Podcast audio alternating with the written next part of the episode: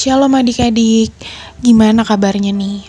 Kak Sena seneng banget bisa kembali hadir menyapa kalian tentunya dalam program kesayangan kita, Renungan Harian Audio Cerdas Berpikir edisi kisah-kisah dan tokoh-tokoh dalam Alkitab.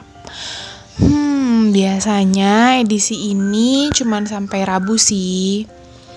Cuman kakak sengaja ngebawainnya di hari ini karena emang dirasa perlu disampaikan di hari ini. Kak Sena berharap melalui program ini kita semakin diberkati oleh kebenaran firman Tuhan. Dan kalau kalian diberkati, jangan lupa bagikan audio renungan ini kepada yang lain ya, agar semakin banyak orang yang diberkati.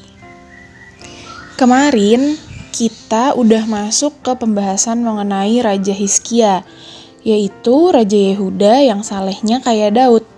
Bahkan dia merestorasi atau memulihkan kembali ibadah di Bait Allah. Tapi ternyata pada suatu ketika Yehuda diserang oleh bangsa Asyur.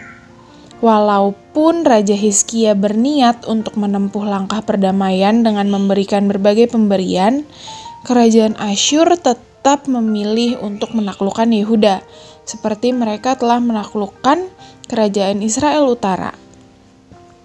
Hingga suatu hari, Raja Asyur mengirim utusan dan sepasukan besar kepada Hizkia dan masyarakat Yehuda. Bukan untuk menyerang mereka, tapi untuk memberikan intimidasi berupa kata-kata yang menjatuhkan semangat mereka, dan bahkan kata-kata penghinaan terhadap Tuhan. Setelah Raja Hizkia pergi ke rumah Tuhan karena mendengar segala intimidasi tersebut, Nabi Yesaya menyampaikan pesan kepada Raja Hizkia yang intinya adalah Tuhan akan bertindak. Setelah itu, hmm, ya keadaan masih tetap sama.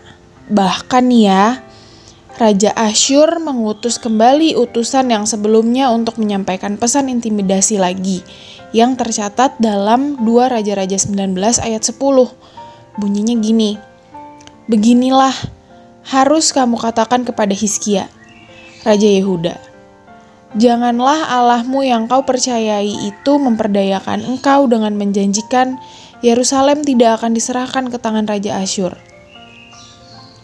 Kalian bisa baca perkataan selanjutnya di ayat-ayat berikutnya. Pas membaca pesan tersebut, dia langsung pergi ke rumah Tuhan, lalu berdoa memohon agar Tuhan menyelamatkan Yehuda. Lalu Yesaya kembali menyampaikan pesan Tuhan kepadanya yang intinya adalah karena Raja Asyur telah menghina Tuhan, maka Tuhan akan menghukumnya dan membuat dia pulang ke negerinya. Dan 2 Raja-Raja 19 ayat 35 sampai 37 melanjutkan kisahnya gini. Maka pada malam itu keluarlah malaikat Tuhan, Lalu dibunuhnyalah 185 ribu orang di dalam perkemahan Asyur. Keesokan harinya pagi-pagi tampaklah semuanya bangkai orang-orang mati belaka.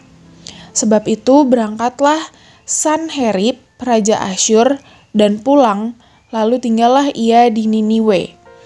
Pada suatu kali ketika ia sujud menyembah di dalam kuil Nisrok, Allahnya, maka Adramelek dan Sarezer anak-anaknya membunuh dia dengan pedang, dan mereka meloloskan diri ke tanah Ararat.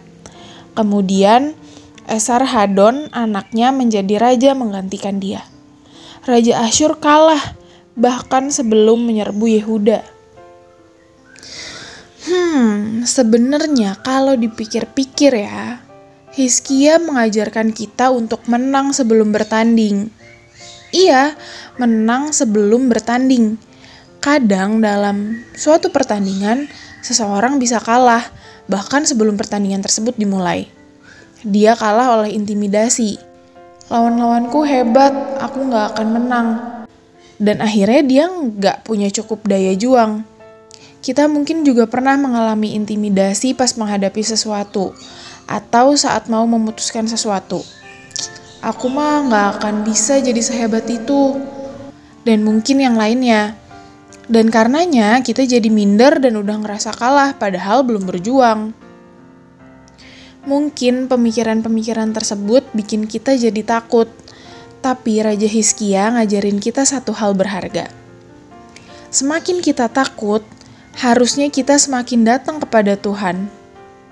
Bener banget apa yang tertulis dalam Mazmur 56 ayat 4. Bunyinya gini, Waktu aku takut, aku ini percaya kepadamu.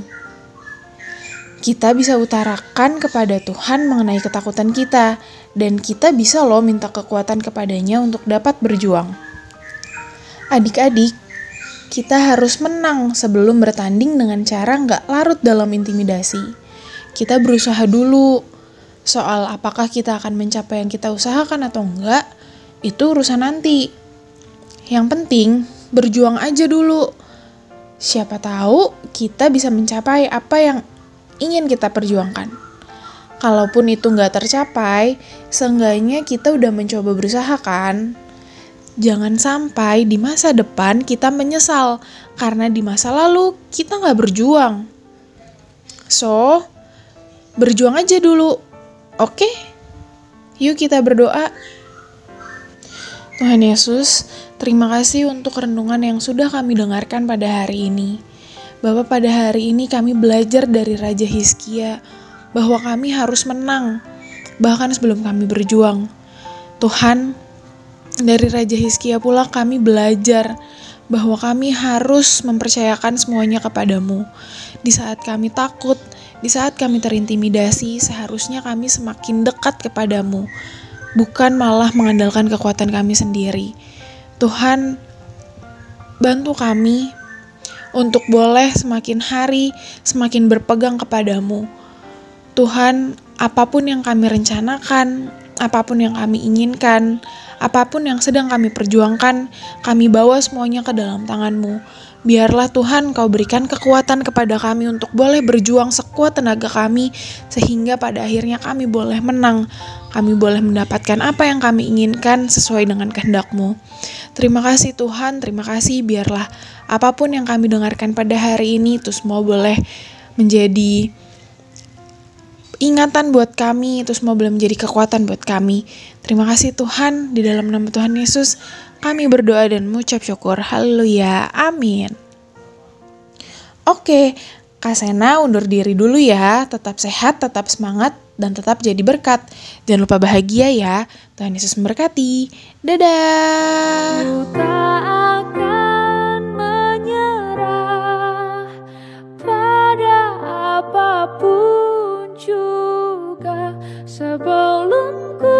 coba semua yang ku bisa tetapi ku berserah kepada kehendakmu.